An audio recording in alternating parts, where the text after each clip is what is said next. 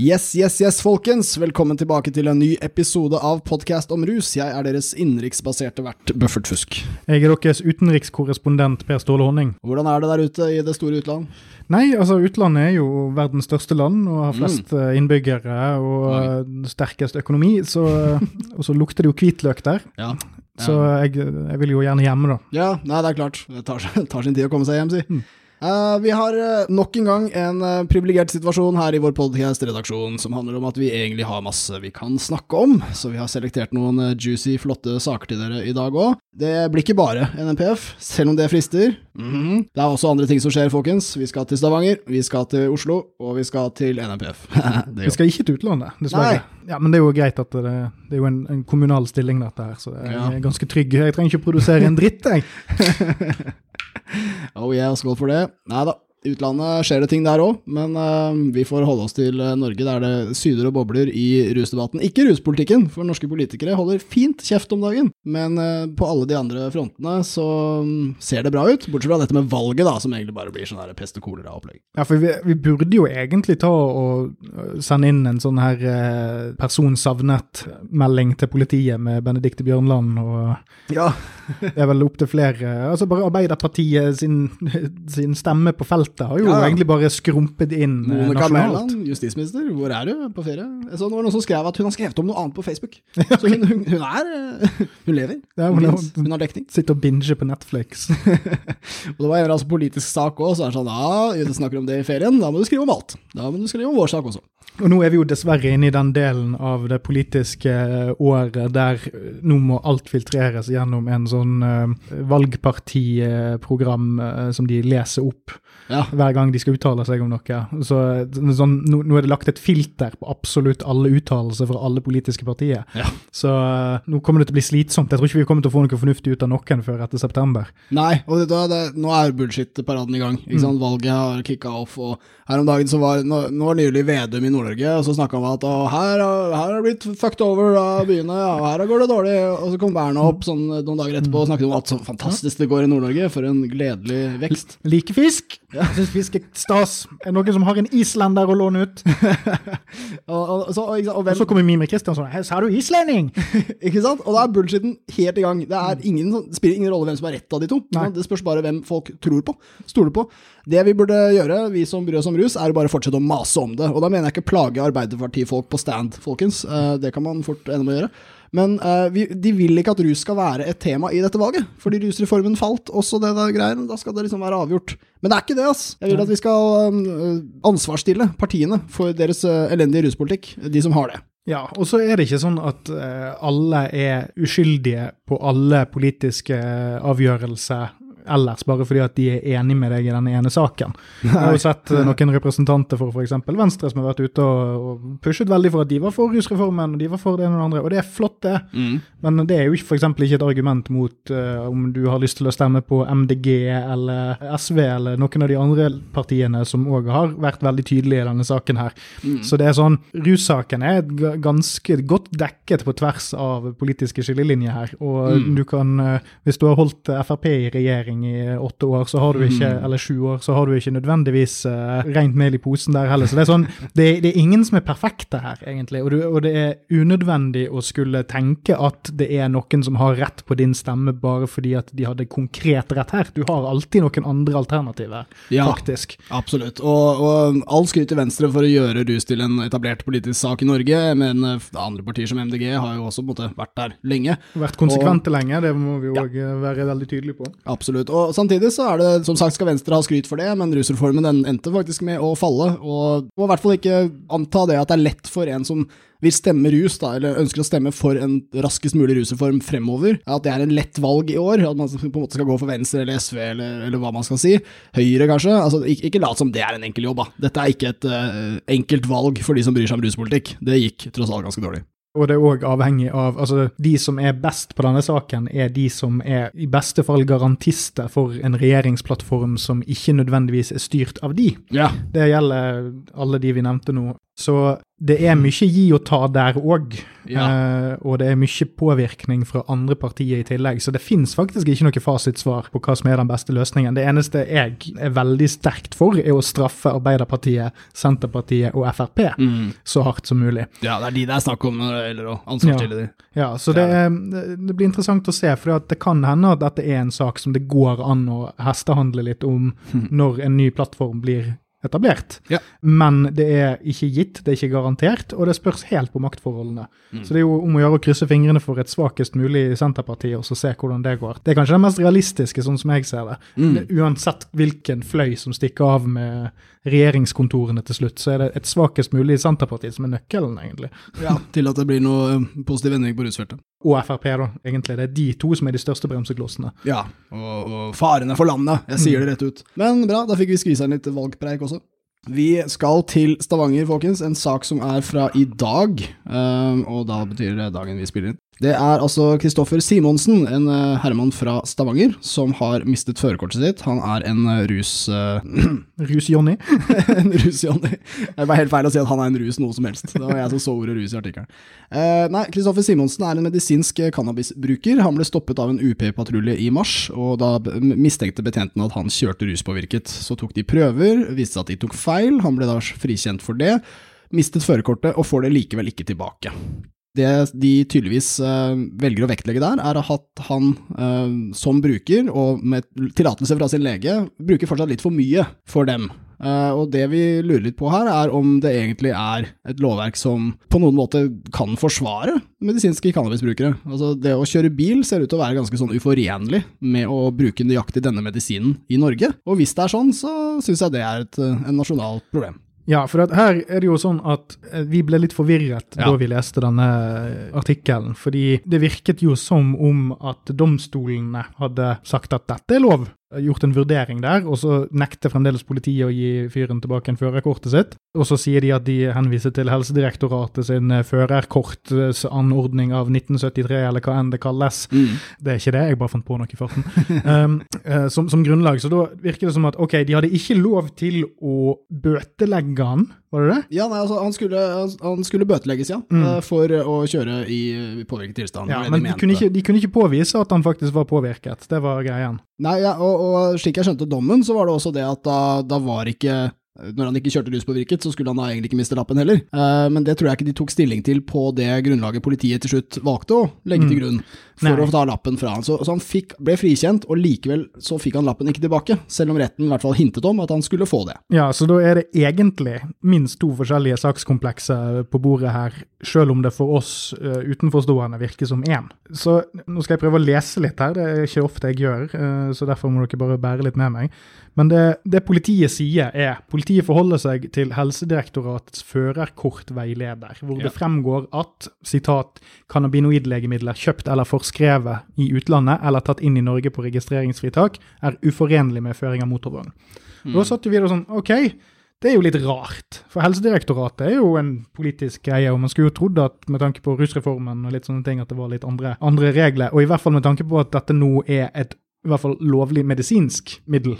Så da gikk vi inn på førerkortveilederen til Helsedirektoratet, det var egentlig bare å google det. Ja. Og det, det, det starter jo med litt sånn Dette er jo jævlig komplekst for folk som ikke er verken lege eller jurister. Altså oss. Eh, så bare sånn litt skumming sånn i starten her. Sant? Så det er en sånn egen underseksjon som heter cannabinoide. Eh, og Der står det at registrert cannabinoidlegemiddel kan være forenlig med føring av motorvogn i førerkortgruppe 1, forutsatt at behandlingen er innenfor godkjent dosering i henhold til godkjent preparatomtale og instituert av en legespesialist i spesialhelsetjenesten som har relevant kompetanse, bla, bla, bla. Pasienten følger legens anbefaling, da, da, da, da, da. Altså, altså, det er lang, lang liste med rammene for hvordan dette skal brukes, og at det da innenfor det kan være forsvarlig, eller innenfor. Men så er det de to siste paragrafene her, etter det er masse sånne bullet points, og så to paragrafer til slutt, nei, to avsnitt til slutt. Ved samtidig bruk av godkjent cannabinoidlegemiddel og et legemiddel som er opplistet i paragrafer bla, bla, bla, så er det døgndose og alt mulig sånn. Det bør ikke brukes mer enn ett legemiddel opplistet, la, la, la, la. Men så er det de, de siste her som står det. All annen bruk av cannabinoidlegemidler er uforenlig med føring av motorvogn. Dette gjelder uavhengig av hvordan legemiddelet er anskaffet. Derfor er cannabinoidlegemidler kjøpt eller forskrevet av lege i utlandet eller tatt inn i Norge på registreringsfritak uforenlig med føring av motorvogn. Hmm. Så da blir jo jeg sittende og tenke sånn, ja, men ok, det, min første tolkning der var jo at eh, det betyr at du ikke har lov til å ruse deg. At det er jo en forutsetning at du, er, du bruker det 100 sånn som du har avtalt med lege. Ja, som legen sier. Ja, Og så skal du ikke være påvirket når du kjører, og da er det lov. Men så er det jo sånn, så begynte vi å snakke litt om hvordan er det egentlig man får cannabis på resept. Yes, ikke sant. Og da hadde du noen uh, linje. Ja, altså nå, nå, vet jeg Er det noen detaljer her jeg ikke kan? Altså Jeg vet at norske fastleger f.eks. kan henvise til nederlandsk fastlege, og, at man da, uh, og det er den vanlige kanalen. og Det gjelder også denne herren i Stavanger. Altså at man reiser til Nederland og henter produkter der en gang i måneden omtrent, og at man da får en slags måneds forbruk som man tar med hjem. Det er den vanlige måten. Jeg vet ikke om det har kommet til det punktet hvor norske fastleger på en eller annen måte skriver resepten ut selv, men det tror jeg ikke de har lov til i Norge. Mm. Så det betyr muligens at absolutt alle nordmenn som har medisinsk cannabis på resept, lovlig via EØS, ikke kvalifiserer til å ha førerkort med dette her. Eh, hvis det er slik vi, vi, vi, forstår denne lovteksten riktig. Og det, Jeg må få med litt detaljer i denne saken. Altså. fordi Det som er greia her, er at han er ute og kjører bil. Han ble stoppa av politiet. De har ikke reagert på kjøringen hans. Det står også i anmeldelsen. Og Da lurer jeg på hvorfor han ble stoppa i det hele tatt, men greit nok. Da ble det, Han opplyste til dem at han bruker medisinsk cannabis. De tok beslag i førerkortet hans, opprettet en straffesak. Der ble det sjekka blodprøver. Straffesaken ble henlagt.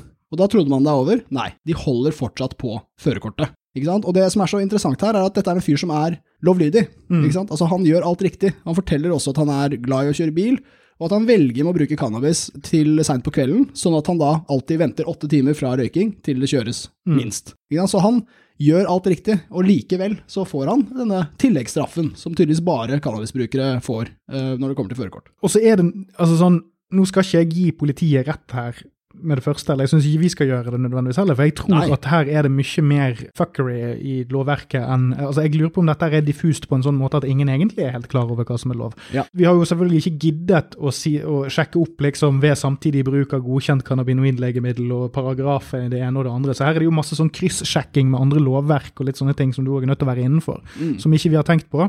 Mm. Og det andre er det at det står all annen bruk er uforenlig med føring av motorvogn, og det gjelder uavhengig av hvordan det er anskaffet. Men det er all annen bruk enn mm. det som har blitt listet opp. Mm, og så kommer spesifiseringen etterpå. Så da kommer jo an spørsmålet hvordan er det du tolker setningen 'all annen bruk er uforenlig'? Mm.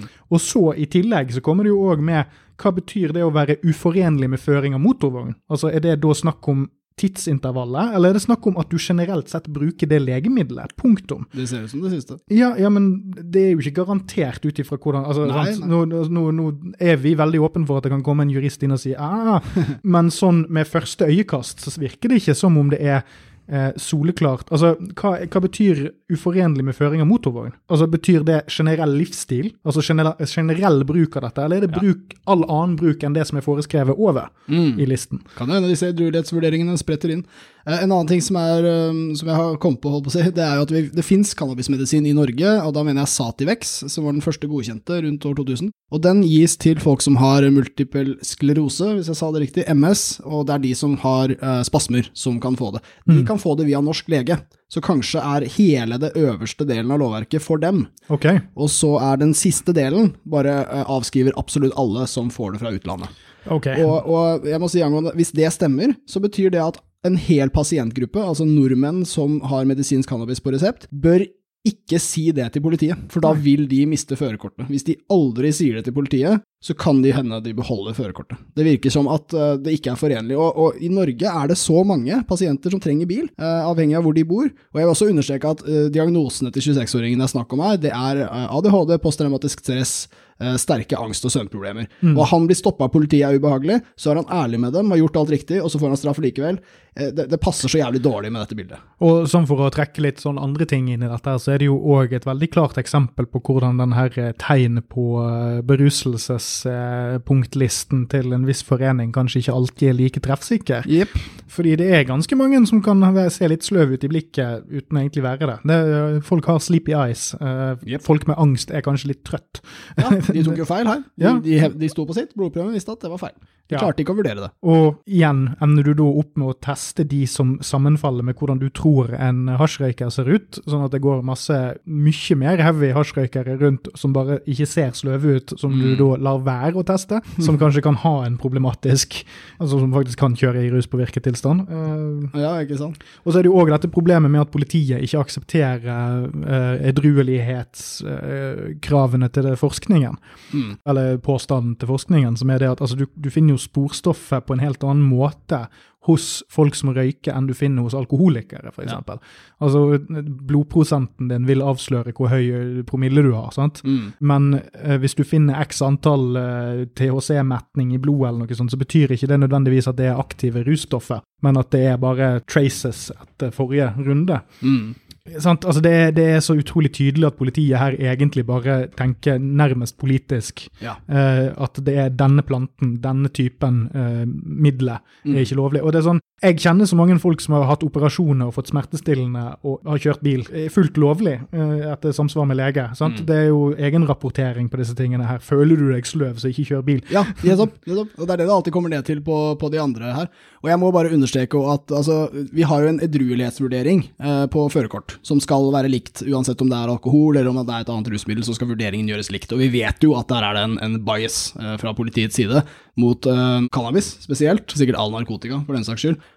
Men uh, i, i dette tilfellet her så, så er det viktig å få med at når de snakker om å måle verdier i blodet og regne om det til promille og tilsvare så og så mye THC er så og så mye alkoholrus og sånn, der snakker vi om veldig omstridte omregninger, for å si det sånn. Og det meste av det de finner i cannabisbrukeres blod og urin, det er inaktive sporstoffer.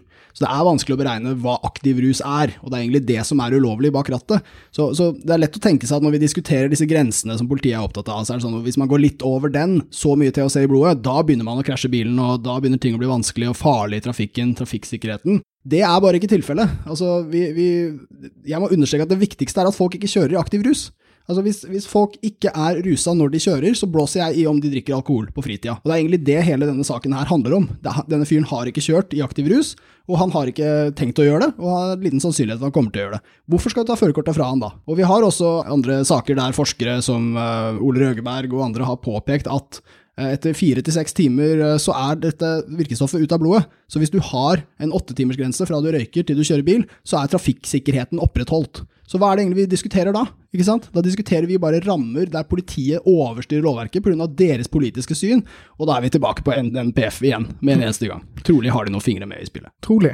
Ja. En, Hvor kommer disse holdningene fra, liksom? Ja, altså det er jo, det er jo en, en fordømmelse av eh, livsstil. Det er jo egentlig Ja. det de, de blander livsstil her, her er det helt konkret at de blander livsstil med, eh, med medisin.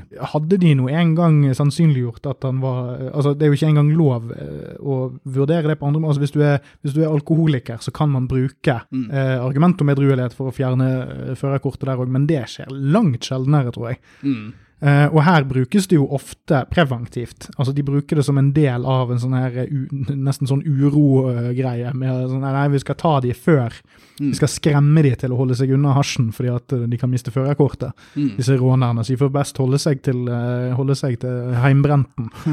Uh, vi må også få med her at uh, legen har skrevet til politiet at uh, mener at pasienten sin ikke er påvirka åtte timer etter inntak av medisinen. Likevel så her blir det her stående. Du har legen, du har rettsvesenet, du har alle. og Nok en gang så gjør politiet hva faen de vil. Mm. Jeg, jeg blir så skremt av det. Det er masse lovverk som kan tolkes, liksom, men, men vi har en så utrolig sterk politisk aktør. Det, er, det ser ut til å være politiske hensyn som tas. Det er ganske avskyelig.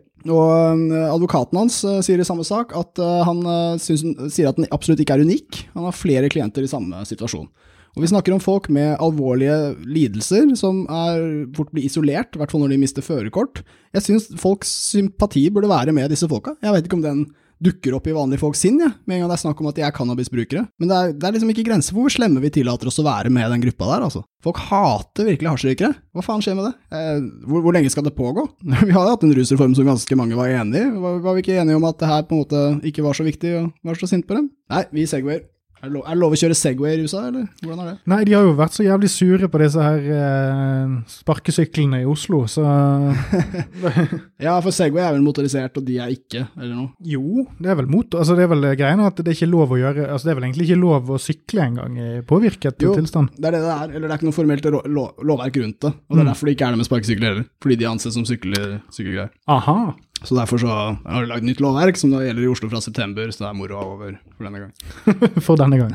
Da mener jeg nattekjøringa, som da var sikkert kjempegøy. Sikkert, jeg veit det, jeg kjørte masse på natta. Vi må også snakke litt om NPF. Eh, Vi har jo um, kost oss med det. Eh, Norsk nissepolitiforening.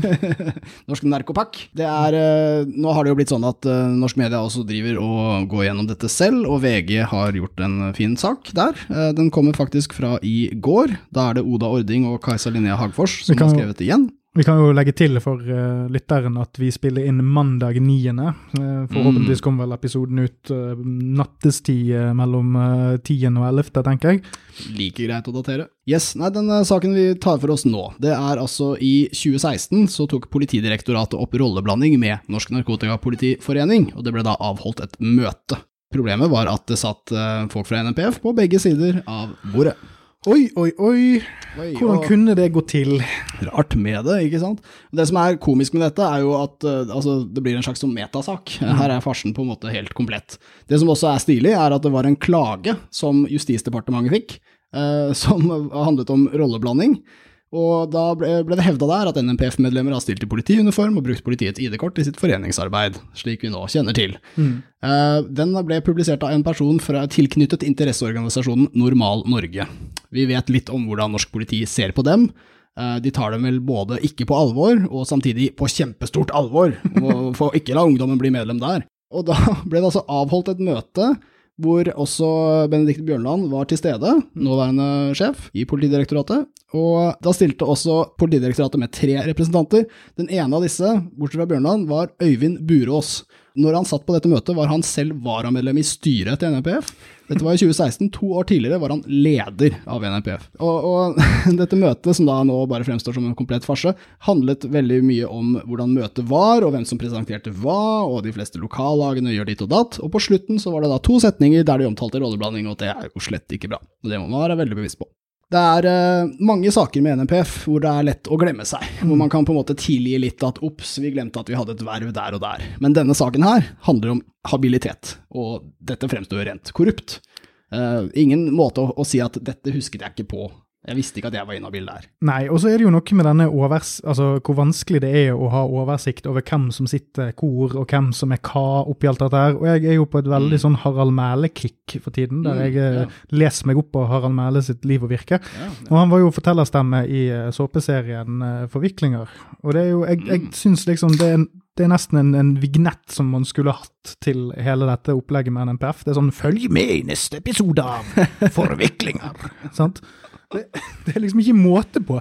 Det er sånn her, eh, sant? Der var det jo sånn, sånn homofile menn med buktalerdukke som lå med eh, søskenbarna til eh, hovedpersonen og hva enn det var snakk om. Men her er det jo bare Det er jo ikke samrøre, det er jo nesten samleie.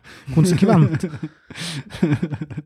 Ja, det er morsomt Og med eh, en annen ting som har med, med hvordan saken har gått gjennom mange episoder, er jo at eh, de har måttet forsvare seg gang på gang, eh, politiet og NPF, og de, da, nå begynner det bare å bli veldig repetativt. For hver eneste ting de sier, så finner man jo noe nytt. Og eh, VG velger å fremheve sitat fra Geir Evanger, som eh, sier vi har i alle år Bukseselemannen. Yes, vi har i alle år vært opptatt av rolleforståelse. Alltid vært opptatt av rolle. Vi har alltid hatt fokus på rolleblanding.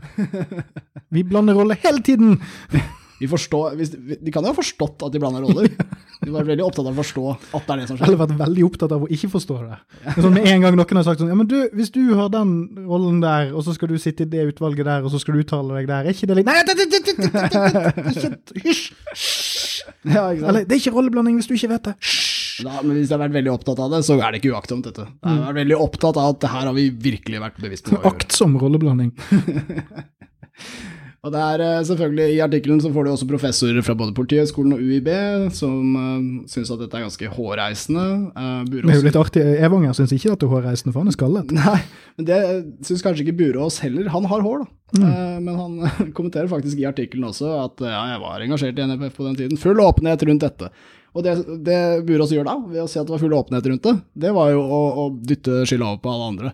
Man kunne jo på en måte sagt Burås, du holdt det skjult, dette burde du sagt til oss. Og så sier Burås ja, men det gjorde jeg jo. Ja, da er det alles feil, da. Da er det, da er det alle som var der, burde jo bare satt ned bremsene med en gang. Mm. Ja, de skulle, skulle gjort det jeg sa i sted. De skulle bare må ikke gjøre folk oppmerksom. Da er, da er det alvor. Ja, ikke sant. Det, det det kan ses på, altså måten vi kan se det fra utsida, det er at politiet har kompisgjenger internt, syns det er null problem, så kommer det en klage fra sånn stoner-forening der borte, og så kommer Justisdepartementet og sier ja, er ikke det her litt rart? Og de er å ja, ok, da tar vi et møte, da. Og så er det det mest køddete møtet de har hatt på flere år, hvor de sitter der og bare Han er hippien sa vi i samrøret. Og så henger de der og drikker kaffe og snakker om hva de har gjort sist, og på slutten så skriver de ja, ja, samrøre er ikke bra. Dette møtet fremstår som tull og tøys, eh, fremstår som en formalitet gjort internt i politiet for å redde en eller annen fasade. Det fremstår ikke som veldig viktig, så det er ikke en veldig stor cover-up-operasjon. Men de har ikke tatt det på alvor, ikke sant. Det er jo hele poenget her. Politidirektoratet har virkelig latt dette skje. Altså Hvis det er noen, noen av lytterne våre som er veldig gode på karikaturtegninger, så har jeg veldig lyst på en sånn tegning av åtte kokker rundt én sånn Asterix-gryte, og alle har hver sin sånn her sleiv som de driver og rører rundt med, og så sier de 'nei, dette er ikke samrøring'. Det er akkurat sånn jeg har sett meg samrøre òg. En sånn stor skål med mange kokker som driver og rører. liksom. Dette er ikke samrøre, dette er bare røre. En salig røre, faktisk. En salig en. Nå henviser alle bare til denne granskingen som skal gjøres av Justisdepartementet. eh, og vil jo ikke si så mye før den er klar. Det blir jo gøy, det. Hvordan vi skal vente helt til høsten for å få en eneste kommentar fra dem. Vi får bare fortsette å kommentere, vi. Eh, Nå skal utvalget snart bli lansert. Det syns jeg er så magisk med sånne offentlige granskninger. Får ikke lov å bare eh, sette ned utvalg. Nei, nei, du må presentere de og si hvem det er. Det blir stas. Får vi se, da. Og så må vi også se på mandatet de får. Det er også veldig viktig at denne granskningen som skal avholdes, tar med seg dette med eh, politiets bruk av ulovlige tvangsmidler. Dette ble også påpekt av Katrine Holter ved Politihøgskolen, eh, og jeg håper også det kommer med i granskningen. Det får vi se. Forhåpentligvis når dette utvalget presenteres, så får vi kanskje vite litt om mandatet også. Jeg tror vi alle skal være veldig bevisst på at politiet har noen eh, svinn på skogen når det kommer til å behandle egne saker, og om de er i Justisdepartementet eller ikke, det får vi se. Altså, Det begynner å bli litt vel mye griserøkting i 100-meterskogen nå, altså. Ja, de skal gjøre en god jobb for å få dette fremstilt som uavhengig. Og det er det den skal være. ikke sant? Det var ordet vi ble lovet. Vi skjønner at det kommer fra politisk hold, men uavhengig var da lovet. ja, så nei, det blir spennende. Uh, nei, vi kunne snakka om NMPF til kuene kommer hjem, vi, men vi tar Eller grisene, si.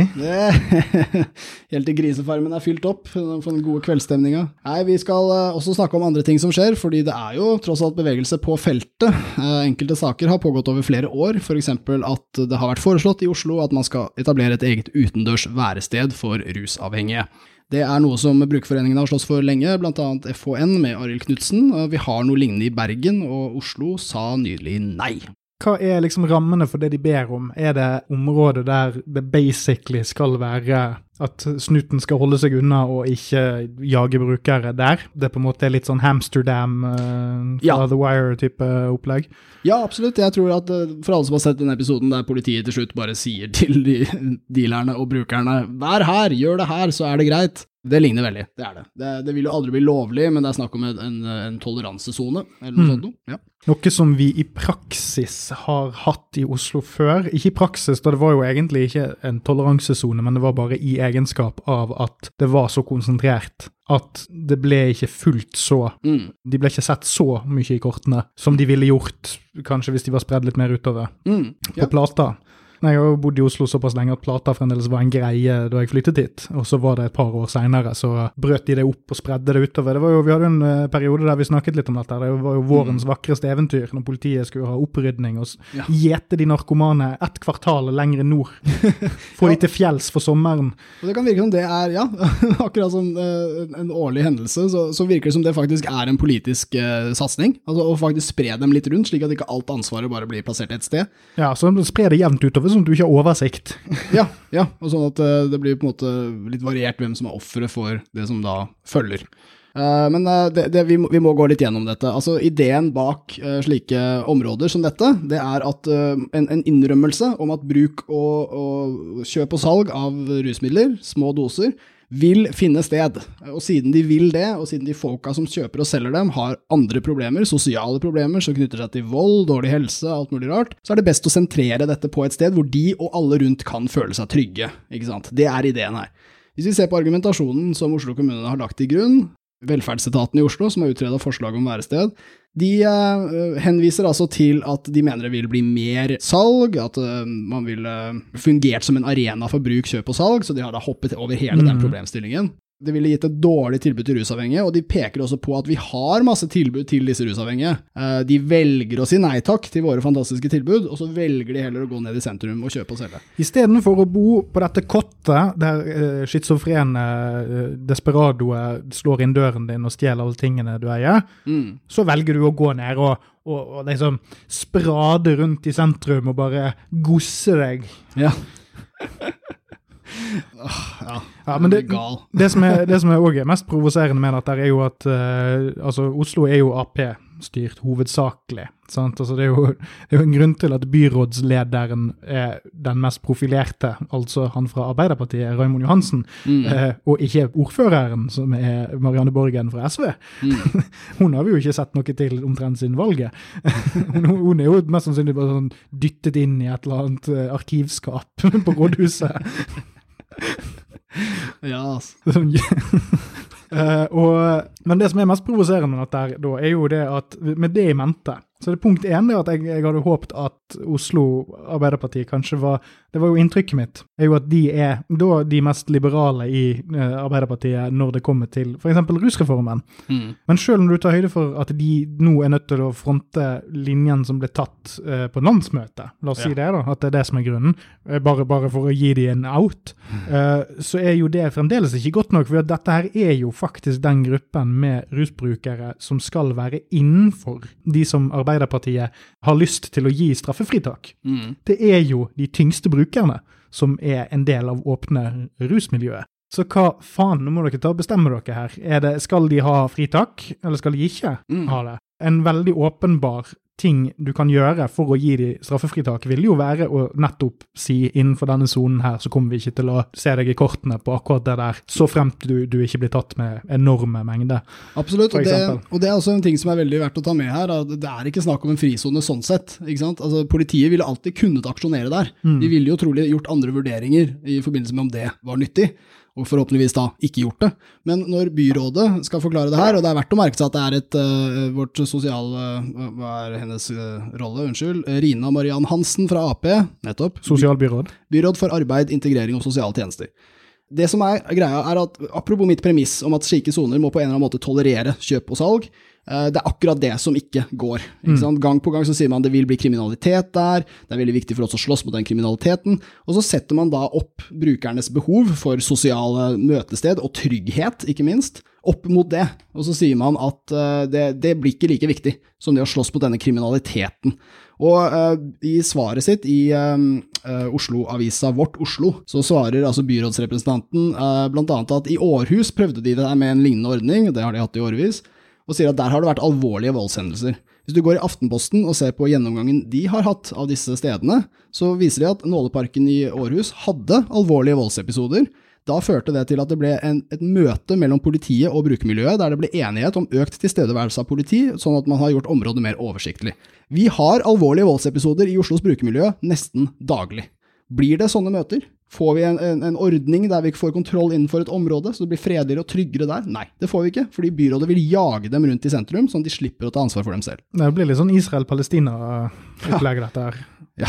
Rusbrukerne er liksom regnet som terrorister i politiet sine øyne i utgangspunktet, så man skal ikke forhandle med de. Mm. Uh, men så er det jo ja, men det er jo nettopp sånne ting som det der som, som er nøkkelen, tror jeg. For det, jo, det har jo òg vært um, forskning som viser det at veldig mye av, uh, av volden i Oslo sentrum, altså, altså sånn generell krim, er internt i ulike miljøer. Mm. Altså uh, i ulike Altså sånn du har dealere og brukere og den miksen som oppstår med pga. at du er kriminell med en gang du er nødt til å kjøpe og selge. Så det er allerede ganske klart at den volden vi har i Oslo er veldig tett knyttet til dette fenomenet i utgangspunktet. Så da er det kan vi løse det på den måten som vi har prøvd å løse det på i 50 år, eller går det an å kanskje tenke at hm, dette er kriminalitet som vi ikke får gjort noe med. Mm. det er kriminalitet som til en viss grad allerede politisk har blitt vurdert som uh, et helseproblem, og derfor kan vi ta en, en skjønnsmessig vurdering, sånn som domstolene gjorde, jf. det vi snakket om i Mm. forrige episode. Mm. Uh, at, at vi kan se mellom fingrene på det som i realiteten er lovbrudd, Mm. dersom vi kan sannsynliggjøre at livskvaliteten til de personene det gjelder, vil Mm. bli bedre i snitt dersom vi legger til side visse kjepphester. Absolutt, og det er akkurat det, det punktet man ikke har blitt hørt på av byrådet her. Altså, og den argumentasjonen som byrådet lener seg mot, det ligner veldig på den Arbeiderpartiet brukte for å stemme rusreformen ned. Og det understreker også den ideologiske striden som er på feltet, og hvordan den ble preget av rusreformens fall. Nå får vi altså ikke et lokalt viktig, eh, langvarig forslag også over mange år i Oslo, fordi nei, det ville da krasja med den øvrige ruspolitikken som landet nå skal satse på. Og jeg må bare få med den lille, den jævla circle jerken det er i argumentasjonen her. For den argumentasjonen Ap bruker her, den kunne du brukt for eh, 30-40 år siden også. Du ville sagt den med andre ord, men det er bare å si det samme som de forrige sa. Det er bare å avslå hver eneste lille ting og si at nei, kriminalitet er så jævlig viktig, vi må få bli kvitt kriminaliteten. Kjøp og salg er kriminalitet. Hvordan blir vi kvitt kriminalitet? Jo, vi straffer de som gjør det. Og hva er det rusreformdebatten har handlet om? Jo, vi har bra vitenskapelig bevis på at straff skader folk. At straff skader og fører til lidelse. Sosiale lidelser, psykologiske lidelser. Og hva, hva er det vi får mer av da, i Oslo sentrum? Ikke sant? Det er, de fortsetter å lage et system som plager og plager disse menneskene. Ja, og så er det jo litt fristende å være en sånn fyr som aldri har egentlig lest sin Kafka, og dra fram eh, begrepet kafkaesk, eh, som er litt sånn eh, ja, loslitt for så vidt, men det er jo noe med det, altså, sånn Prosessen til Kafka og litt sånn handler jo om liksom, det meningsløse byråkratiet. At du kan gå gjennom et helt, eh, et helt system uten å egentlig skjønne hva du er tiltalt for, eller hva, hva er det du har gjort galt. Og jeg får veldig den, det inntrykket av eh, det som foregår her. For det er sånn, det koker bare ned til ordet signaleffekt. Det er det du kan bruke for å si at dette her er den riktige måten å gå fram på. Det er sånn, Vi kan ikke tillate at folk gjør åpenbart kriminelle ting på åpen gate pga. signaleffekt. Ja. Eh, det er ingenting med det kriminelle i seg sjøl som noen av partene egentlig ville sagt høyt at burde være kriminelt. Mm. Altså, alle er enige om, i teorien, at rusbruk på dette nivået her er en sykdom, og at du trenger hjelp. Det man ender opp med å si, er at vi skal fortsette å gjøre deg sjuk fordi vi har ikke evne til å ta inn over oss konsekvensene av de avgjørelsene vi egentlig har tatt. Ja, absolutt. Vi klarer ikke å forholde oss til at løsningen på problemet er noe som er litt ubehagelig for oss å si høyt. Nei. Så vi, vi har trukket den rette konklusjonen, men vi kommer til å fortsette å svare feil. Vi, vi, har, vi har gjort hele mattestykket helt riktig, men så bare, bare for kødd så svarer vi feil til slutt, fordi at det er viktig med signaleffekt. Ja, ikke sant. Hele jævla, hele jævla algebrautregningen, og så er det sånn, sånn dickbutt-tegning til slutt. Faen, ass. Apropos kafkaesk, eh, for meg er den, den beste episoden jeg har hørt om, ble gjenfortalt, eh, er i, i Oslo hvor politiet jager bort de rusavhengige. Og så sier de bort, bort, dere må gå bort. Og så er det en rusavhengig som sier til politiet, hvor er bort? Fortell meg hvor bort det er, så jeg kan gå dit. De ønsker seg bare et sted å fucking være. Kan noen si noe annet enn ikke her? Vær så snill. Uh, og det understreker igjen om at dette er en gruppe som trenger vern, og vi har altså en byråd som skal sikre vern for disse borgerne, og som henviser til en amerikansk jævla narkokrig som kaller disse handlingene for kriminalitet. Og jeg syns det er skammelig at dette kommer fra Byrådet for arbeid, integrering og sosiale tjenester. Det høres ut som vi har en politibyråd. Høres ut som politiet dikterer hva denne byråden skal mene, og at det indirekte og direkte vil skade borgerne dette byrådet har ansvar for å beskytte. Det er jævlig skammelig. Jeg skjønner at det ikke er hennes ansvar alene, men dette er ordentlig, ordentlig pinlig. Dere burde i det minste kunne komme med noe argumentasjon som ikke så ut som den var 30 år gammel, når dere sier nei takk til å hjelpe borgerne deres. Yes, så noe er som det pleier å være i kongeriket Norge, noe er like dust som før, og vi har stadig mat, vi, til vår eh, rantende podkast. Vi liker jo å rante, det er greit. Eh, vi har også noen endringer, fordi vi har eh, kommet folket i møte på Patrion vår.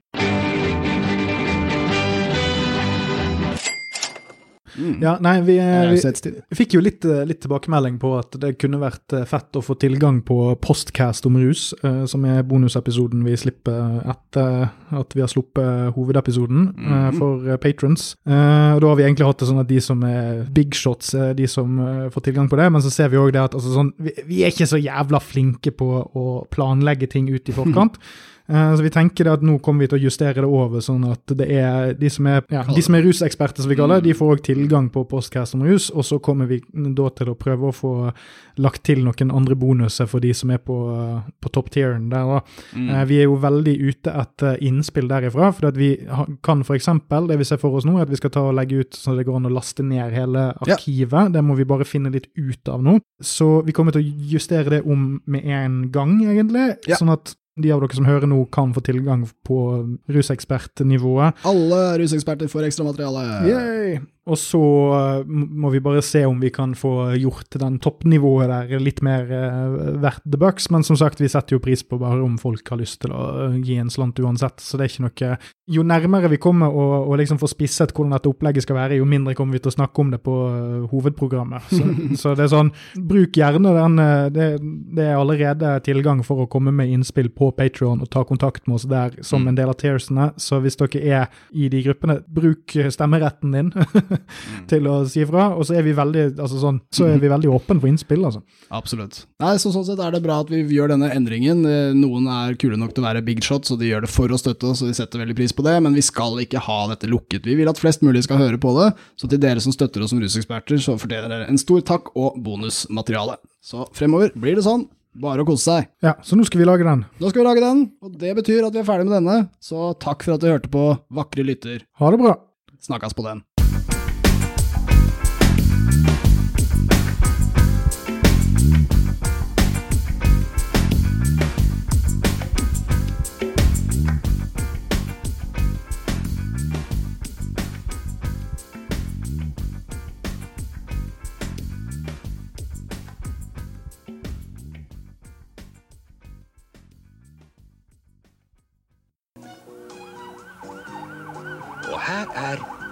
Og her er forviklinger.